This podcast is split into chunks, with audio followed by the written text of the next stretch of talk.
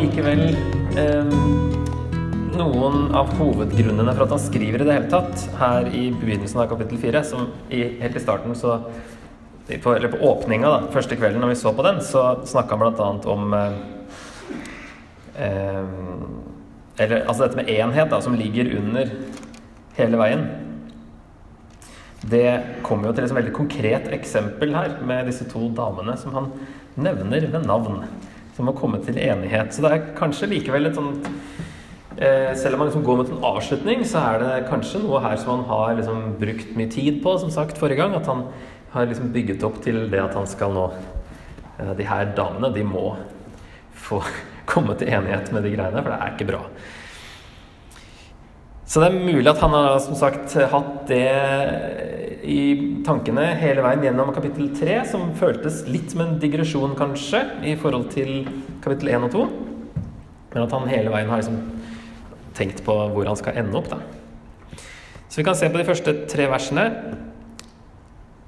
Ja, Nå begynner han med 'derfor', og da blir man en gang sånn, da må man jo tenke litt på hvorfor han sier 'derfor'. For det, går jo alltid, det henger jo sammen med, med det forrige. Um, vi kan lese gjennom det først, da. Derfor, mine søsken, som jeg elsker og lengter etter, min glede og min seierskrans, stå fast i Herren, mine kjære. Jeg formaner deg, Evodia, og deg, Sintyke, kom til enighet i Herren. Og jeg ber også deg, du som med rette heter Synzygos, om å hjelpe disse to. For de har kjempet med meg for evangeliet, sammen med Clemens og mine andre arbeidere, de som har navnene sine skrevet i livets bok. Det er jo ikke så viktig med den derfor, men eh, jeg føler liksom jeg må nevne det. For det hopper liksom rett inn i et argument. Eh, men det er jo noen valg her, da. fordi det kan jo referere til bare det siste han sa i kapittel 3, med at eh, vi venter på Jesus fra himmelen og oppstandelsen. Og at Derfor må de stå fast og holde ut til slutten. Og så er det et lite ord som har forsvunnet her. som eh, Jeg måtte gå tilbake til 1930-oversettelsen for å se det ordet. Som eh, finnes da i mange andre engelske, så jeg, så, men i norske så hadde de ikke det. Men der står det 'stå således fast i Herren'. Så det er en måte man skal stå fast på. Og da kan jo det peke både framover og bakover. Så om han eh, tenker på de siste versene i kapittel 3, at det er liksom derfor oppstandelsen hold ut, stå fast. Og så er det stå således fast, og så er det det som kommer etterpå, som kanskje blir eksempler. Eller så kan det være det man tenker bakover. Det som han har forklart kanskje i hele kapittel 3, at det blir eh, måten de skal stå fast på. Og han sier jo 'stå fast i Herren'. Det er jo egentlig akkurat det samme som han sier i 1.27. Eh, la meg få høre at dere står sammen i én ånd. Det tror jeg det er det samme ordet som brukes. Så det kan hende at han henter opp igjen helt tilbake der. At han liksom går veldig mye lenger tilbake da, enn slutten av kapittel 3. Men det henger jo sammen, argumentet hans. Eh, og han begynner jo liksom å avslutte nå, da. Disse damene som eh, nevnes, eh, de er jo medarbeidere av Paulus, sier han. De får jo ros her. De har kjempet med meg for evangeliet. Um, så de er jo um, De skulle liksom ikke kanskje bli sett ned på fordi de drev og krangla, men de var, eh, de var respekterte damer. Og det er kanskje enda viktigere at de kom til enighet. Og hele veien så har han jo vært uh, Han har ikke nevnt med navn disse motstanderne. Og det var liksom sånn visstnok sånn retorisk uh, man gjorde det. Når man skrev sånn polemisk retorikk, så unngikk man å nevne motstanderne med navn for å liksom bare uh, ikke gi dem noe ære. Mens her så nevner han dem med navn. Og det, det er kanskje fordi de er heller vennene hans enn at de er noen han prøver å, å gjøre skamfulle. da. Men det vil jo ha en effekt når de faktisk får en direkte henvendelse etter et brev der han snakka om enhet og ydmykhet og masse sånn. Um, men det er jo venner av han, og egentlig Filipp, Filippi-menigheten er jo veldig gode venner av Paulus. Som vi ser utover i kapittelet her. Så på en måte så er det kanskje et slags eh, klimaks, og det er viktig at de eh, fikser opp i det her. Og siden han nevner dem ved navn, og liksom at de har en krangel, som Paulus da vet om Det kan hende at alle andre visste om det også i Filippi, men det ville kanskje være litt, vært litt vanskeligere å fortsette den krangelen etterpå, etter at de har blitt nevnt sånn som det brevet her. Så det hadde sikkert en effekt. Um, og så denne synsygos som nevnes her, da. Det er ikke alltid han står som et egennavn. For det betyr vel Det står sikkert en fotnote her. Navnet betyr 'den man bærer åket sammen med'. Altså en medarbeider. Så noen har ment at han da Det er en, bare en medarbeider som han ikke sier navnet på. Eh, og så er det veldig mange spekulasjoner da, i hvem det her kan ha vært. Hvis det bare var en medarbeider. Og det er litt morsomt å se på sånn, hva som har blitt foreslått. Og det er et morsomt eh, forslag er at det er Paulus sin kone som er denne medarbeideren.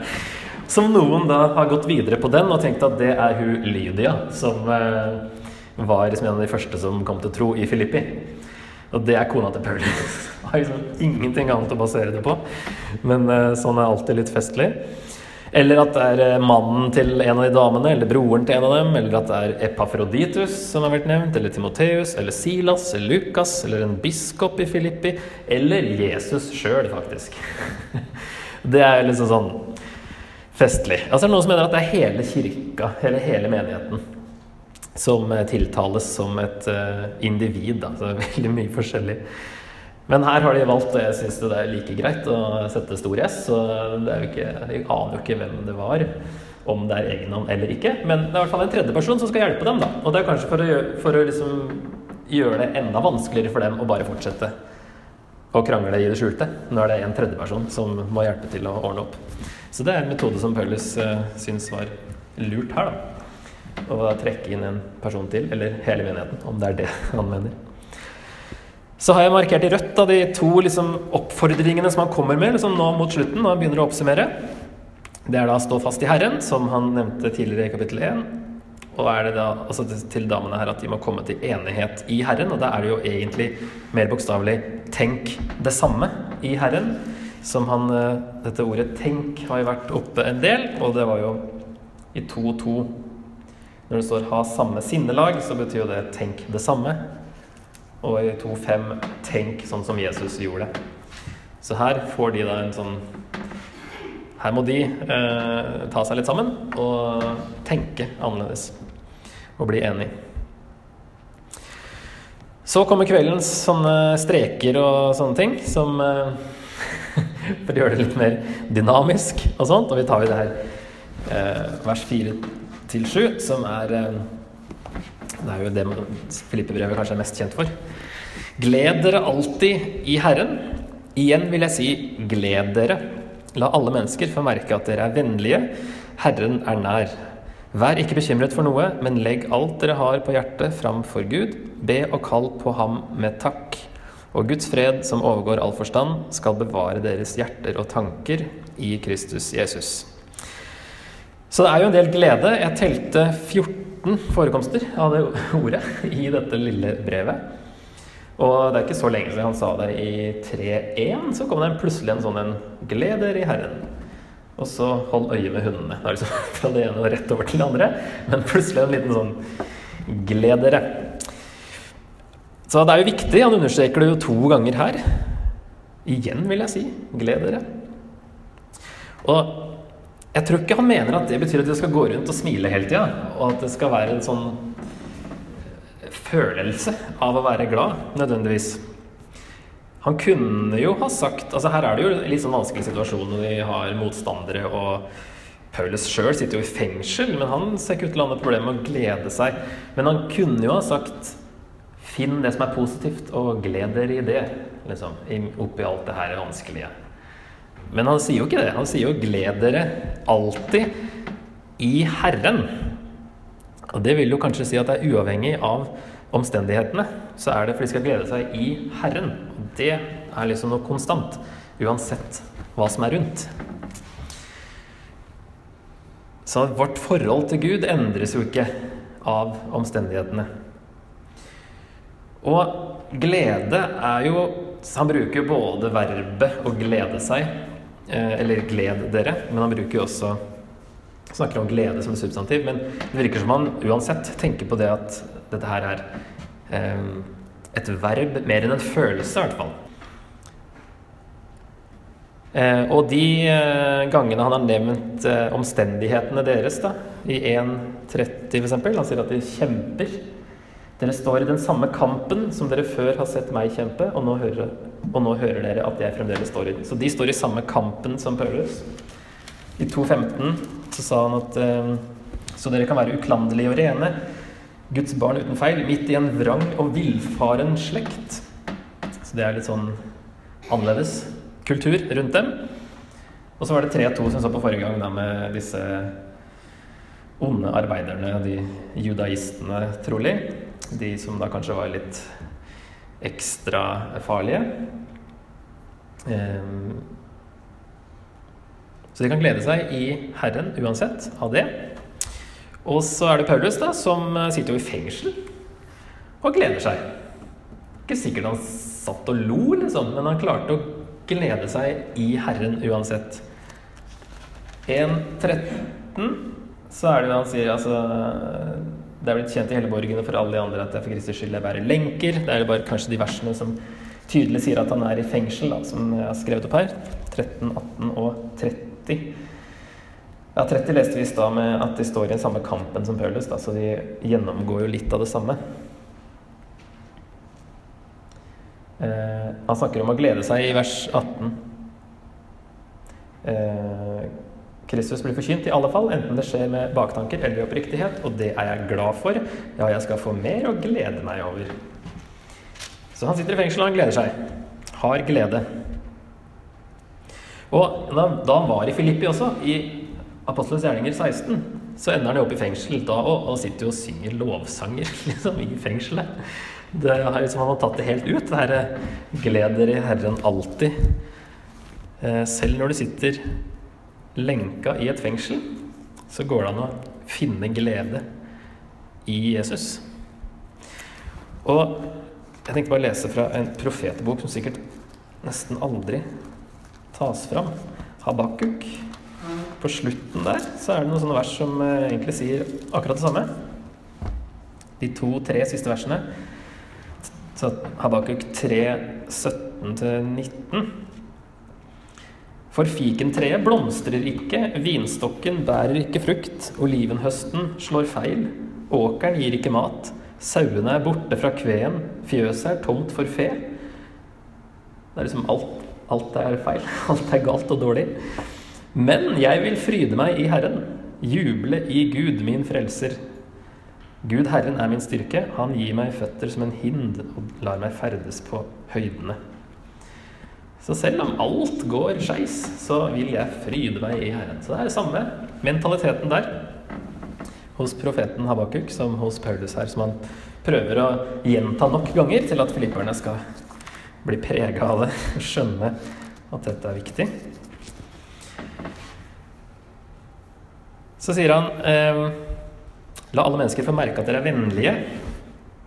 Det er jo på en måte å elske deres fiender. Eh, de skal være vennlige selv mot de motstanderne som er eh, rundt dem, og som kanskje ikke er like vennlige tilbake. Og det er jo litt sånn kjedelig av og til så er det litt irriterende at vi alltid må være så vennlige. Så av og til så er det kanskje litt slitsomt, men jeg tror det er veldig bra. Så her er det eh, glede i det første verset. Første linja her, da. Og så kommer han i det som da egentlig er vers 6, tredje linje. Vær ikke bekymret for noe, men legg alt dere har på hjertet framfor Gud, og be og kall på Han med takk. Her er det tre uttrykk for å be. Legg alt framfor Gud. Og så er det be. og så er det kall på ham. Så sier han det tre ganger. Og så er det takknemlighet som er viktig. Og her har vi liksom tre punkter. Han, eh, når han snakka om glede, og i vers 1, og så er det bønn her. Eh, I vers, vers 1, vers 4, og så er det bønn i vers 6, og så er det altså takknemlighet. Nå kommer vi farlig nær det der høyttaleren, men det gikk akkurat. Så det er tre uttrykk som vi finner også mye i Gammeltestamentet, spesielt i, i salmene. Et sånn trosuttrykk, troslivet, som da kanskje i konteksten her vises utad med at de er vennlige, og innad at eh, de har Guds fred. At de har en fred på innsida. Hvis man da fokuserer på glede i Herren, bønn og takknemlighet. Og når han sier ehm, Og Guds fred, som overgår all forstand, skal bevare deres hjerter og tanker i Kristus Jesus, så bruker han ofte hjertet for, for hele mennesket. Eller sånn ble det ofte brukt i, i Bibelen. At hjertet er både det vi tenker på som hode og hjerte. Man tenkte med hjertet, man tok avgjørelser med hjertet. Så det var liksom sentrum for alt du var. Og her trekker han likevel inn tanker, så jeg tror kanskje det blir enda mer det indre mennesket, som han nevner i Efeserne 3. Som en parallell kanskje til hjertet der. Eh, og at det på innsida der, der er det en spesiell fred som overgår all forstand. Eh, det er mye med Gud som overgår all forstand. Han nevner jo andre steder at eh, Gud kan gjøre mer enn det vi ber om og forstår, i Efeserne 3. Så der eh, overgår han all forstand, og her Guds fred overgår all forstand. Så jeg tror Gud i seg sjøl overgår all forstand. Så, men eh, det er kanskje noe sånt her. Et uh, Guds fred på innsida og vennlighet på utsida. Ved å fokusere på de tre tingene her, som var jødisk uh, tradisjon. Sånn typisk. Det, man, uh, det som kommer fram i salmene, som sagt. Og så er jo det en eh, Hvis du har den freden på innsida fordi du Det er jo eh, kontrast. Vær ikke bekymret for noe, men legg alt dere har på hjertet framfor Gud. Så i stedet for å bekymre oss, så skal vi gå til Gud med det og være takknemlig. Og da får vi den freden, sier Paulus. Og det blir jo en, da, en motsetning, da. Hvis du har den på innsida, så er du det motsatte av å være bekymra. Forhåpentligvis. Og hvis alle har den Guds fred på innsida og har en fred mellom seg, så vil det selvfølgelig da føre til enhet, som man har snakka en del om. Så sier han i vers 8 og 9 til slutt, søsken, alt som er sant og edelt, rent, uh, rett og rent, alt som er verdt å elske og akte, alt som er til glede, og alt som fortjener ros, legg vind på det. Og alt dere har lært og tatt imot, sett og hørt hos meg, gjør alt dette, så skal fredens Gud være med dere. Her er det mye vi kan finne rundt oss, virker det som, som er positivt på forskjellige måter. Og så skal vi, virker som han sier vi skal bedømme det ut i lys av evangeliet. Eh, men det fins ting i kulturen som er bra fordi det kanskje reflekterer Gud, da, uten at kristendommen er der. Som jeg eh, håper å si, i det, men at eh, vi er skapt i Guds bilde, og derfor kan det likevel komme gode ting fra mennesker. Så her er det liksom sånn Man kan finne bra ting utenfor eh, Guds rike også. Og så kommer liksom det som er eh, dette med, med takke for gaven, som han gjør i, fra vers 10 til vers 20. Så vi kan lese de, så har vi jo nesten kommet til slutten. For det er en ganske stor del her nå.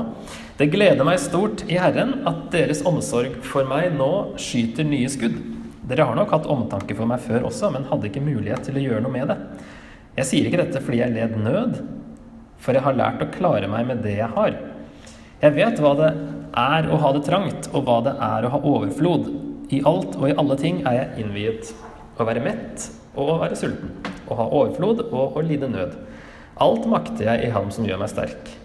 Likevel gjorde det meg godt at dere sto sammen med meg da jeg var i nød.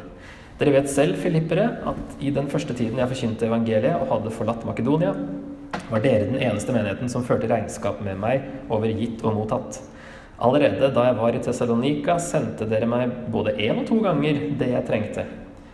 Det er jo ikke gaven jeg er ute etter, men frukten av den, og den skal bli godskrevet dere rikelig. Med dette bekrefter jeg at alt er mottatt, og at jeg nå har nok. Ja, jeg har mer enn nok, så når Epafroditus Nå når Epafroditus er kommet med sendingen fra dere, den var som en god duft, et offer Gud tar imot med glede. Så skal min Gud, som er så rik på herlighet i Kristus Jesus, gi dere alt dere trenger.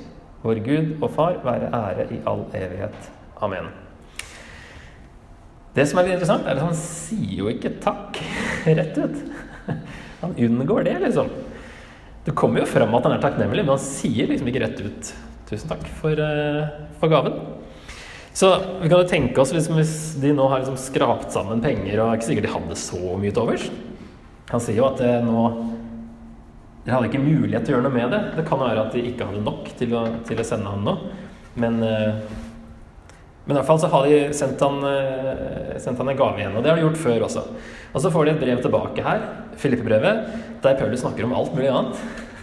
Fram til slutten. Um, hvordan til og med de skal leve i sin situasjon, liksom, før han helt kommer til denne gaven helt til slutt. Så nesten litt sånn i forbifarten. Og så sier han ikke egentlig takk, og så sier han til og med at han egentlig ikke trengte den gaven. så det er litt sånn merkelig, dette her. Men visstnok så gjør han det helt riktig, sånn man skulle gjøre det i sånn um, Når det gjaldt vennskap, og hva som var forventa, og hvordan man sa ting og gjorde ting på den tida. Eh, det var visst vanlig å liksom komme til slutt, da. Eh, dette sånne eh, En takk for en gave, f.eks. Og det å unngå å si takk rett ut, det var også veldig vanlig. Og så snakker han også om, i vers 15 førte regnskap med meg over gitt og mottatt. Det var også en sånn sjargong på det her, da. De brukte sånn, sånn økonomiuttrykk når det gjaldt liksom det å gjøre tjenester for hverandre. Så han gjør det riktig, men det er noen som har ment at Paulus er litt uh, dårlig oppdratt akkurat her. Men uh, vi må ikke da tolke altfor mye i lys av vår kultur. Og han viser jo takknemlighet eh, tre ganger. Han sier jo ting som viser at han eh, er takknemlig. I eh, vers 10, da, 'Deres omsorg for meg'. Og der er det igjen dette tenkeordet som egentlig ligger bak. Dere tenkte på meg. Eller tenker på meg, og dere tenkte på meg før også, men hadde ikke mulighet til å gjøre noe med det. Men der sier han jo eh, Det gleder meg stort i Herren at deres omsorg for meg nå skyter nye skudd. Jeg sier ikke dette fordi jeg led nød. det er liksom ikke det. Han, han, er ikke mer glad for at vennskapet deres liksom har fått en boost eller et eller annet sånt, enn at han har fått uh, den gaven. Det er ikke det at han led nød, men det er det at han at deres omsorg kanskje er det mer positivt for dem at de faktisk viser en omsorg for Paulus fordi det viser noe om deres eh, hjerte. Um, så sier han 'Jeg vet hva det er å ha det trangt' i vers 12. Der er det faktisk ordet for ydmyk. ydmykt som ligger bak det, altså ordet for trangt. Så kanskje han tenker på mer enn bare å ikke ha overflod. Men det kan jo være at han begrenser seg til det òg. Og så er det jo i den konteksten han sier at alt makter jeg ham som gjør meg sterk. Om jeg har mye, eller om jeg har lite, om jeg er mett eller sulten. Det går bra, fordi jeg klarer alt. Fordi Jesus gjør meg sterk. Så her er igjen sånn Kristus i sentrum for Paulus. At uansett omstendigheter så kan han klare det. Og så kommer den andre takknemlighet-uttrykket eh, i vers 14. At dere sto Likevel gjorde det meg godt at dere sto sammen med meg da jeg var i nød. Der er den litt sånn Det var godt. Selv om jeg ikke trengte det, selv om jeg klarer alt i Jesus, så var det Det var godt at dere sto sammen med meg da jeg var i nød. Og så er det jo det at han sier jo sånn eh, i vers 15 at dere var den eneste menigheten som førte regnskap med meg over gitt og mottatt. Så jeg tror ikke det betyr at han er liksom sånn De andre menighetene er ikke så bra som dere. Fordi han Tydelig i andre brev så er han jo veldig på det at han ville jo ikke ta imot noe. Eh, noe penger eller noe ga Han ville jo ikke bli misoppfatta som en sånn typisk eh, filosof som, som da man skulle betale for taler og sånne ting. Så han, og det kom han jo problemer det ble problemer ut av det, fordi de trodde at han ikke var en ekte apostel fordi han ikke tok betalt. ikke sant? I Korint spesielt. Men det var et bevisst valg han gjorde, kanskje etter at han har vært i Filippi. For allerede i Tessalonika så sier han at arbeidet, vi arbeidet dag og natt med våre egne hender for ikke å være til bry for noen. Og det er jo neste byen på ruta. Så kanskje han gjorde et valg etter å ha dratt fra Filippi, sånn at de har kunnet støtte han, men, men ingen andre.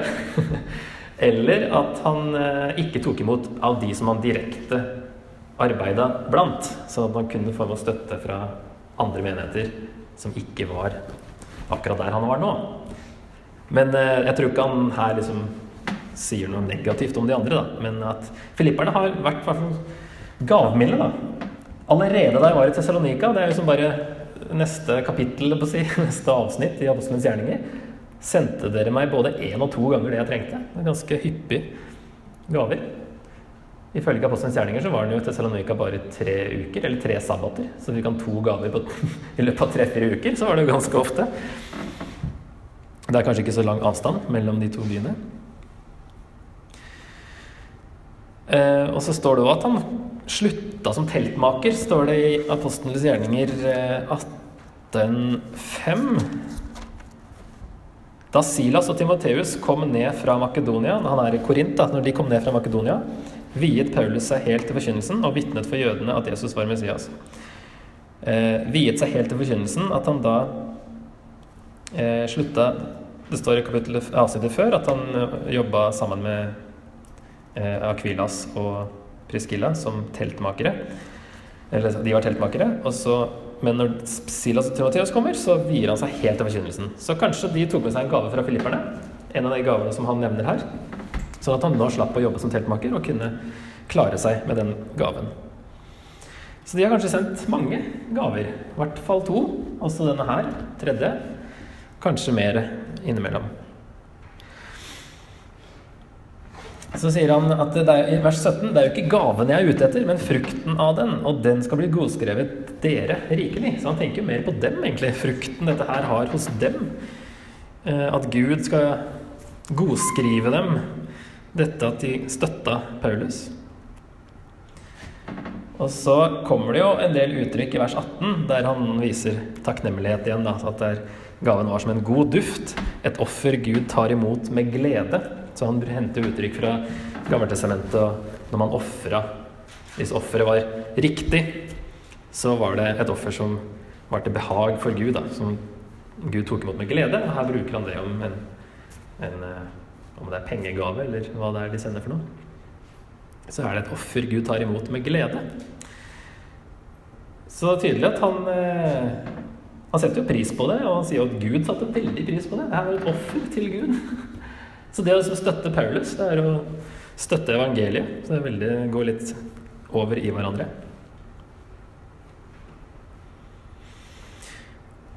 Så vers 13 er jo det, et av de mer kjente, det også. Dette med alt makte han som gjør meg sterk. Eh, så bare ta et punkt på det sånn for å få det på skjermen. At mye eller lite er irrelevant pga. hans relasjon til Jesus. Jesus er nok, uansett hvordan Paulus har det materielt. Det er jo det han sier her. Så er han samtidig glad for at han fikk den gaven. Og så er det veldig kort hilsen etter dette her. Eh, disse 1, 2, 3 vers. Hils, hils hver og en av de hellige i Kristus Jesus. Mine søsken her hilser dere. Alle de hellige hilser dere, særlig de som er i keiserens tjeneste. Vår Herre Jesu Kristi nåde være med deres ånd. Kanskje at det er så kort fordi han vil egentlig kanskje at de skal huske mer på vers 19 og 20. Eh, som liksom ender med en sånn tilbedelse, nesten, til Gud. Så skal min Gud, som er så rik på herlighet i Kristus Jesus, gi dere alt dere trenger. For Gud og Far være ære i all evighet. Amen. Og så en rask hilsen til slutt. Alle hilser dere. Alle, mine søsken hilser dere. Alle hilser dere. Eh, spesielt de som er i keiserens tjeneste. Og det er litt interessant. Dette med keiserens tjeneste. Keiserens hus står det i andre oversettelser. Det er jo litt mer bokstavelig, for så vidt. Eh, han hilser til romerske kristne i kolonien Filippi fra keiserens hus. Så det er liksom ikke tilfeldig at han nevner det igjen. Han er jo i Roma, sannsynligvis, eller i hvert fall vanligste teorien. Sitter jo egentlig i fengsel hos selveste Cæsar og venter på Han hvis det her er, hvis det er Roma, da, så er det jo det at han anker til Cæsar i Apostelens gjerninger, mot slutten av Apostelens gjerninger. Um, så blir han sendt til Roma for at saken hans skal tas opp der med keiseren. Så han sitter jo liksom veldig nær keiseren og hilser da fra noen som faktisk har blitt kristne i keiserens hus, eller i hvert fall keiserens tjeneste. Um, noen mener at det her er faktisk så nært keiseren at det er folk som bodde i selve palasset hans, liksom hvis det er keiserens hus, bokstavelig. At det var noen familiemedlemmer eller slaver eller noe sånt som, uh, som var veldig nær keiseren. Da. Som han hilser fra at eh, noen på innsida er på deres side. Noen på innsida i Roma. Um, og at evangeliet har allerede kommet til Romerrikets hjerte.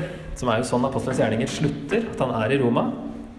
Etter at han har reist rundt hele den kjente verden og kommet da til hovedstaden. Og så slutter apostelens gjerninger der. Mulig Lukas hadde tenkt til å skrive en fortsettelse, men rullen var nok sannsynligvis full. Det fins ikke så mye lengre bøker enn Lukas og apostelens gjerninger. Så det var ikke plass uansett. Men Enten så hadde han tatt igjen historien, og der var Paulus da han var ferdig. Selv om han sier jo at han var der i to år, så han vet at noe skjedde etterpå. Men eh, det er veldig passende å avslutte der, da. At eh, evangeliet har gått rundt hele Romerike, og nå er, det, nå er Paulus liksom eh, helt i kjernen og forkynner evangeliet der òg. Rett si, under nesa på Nero, som da var keiser da, uten at han vet om det og som noen år etterpå vil da forfølge de kristne.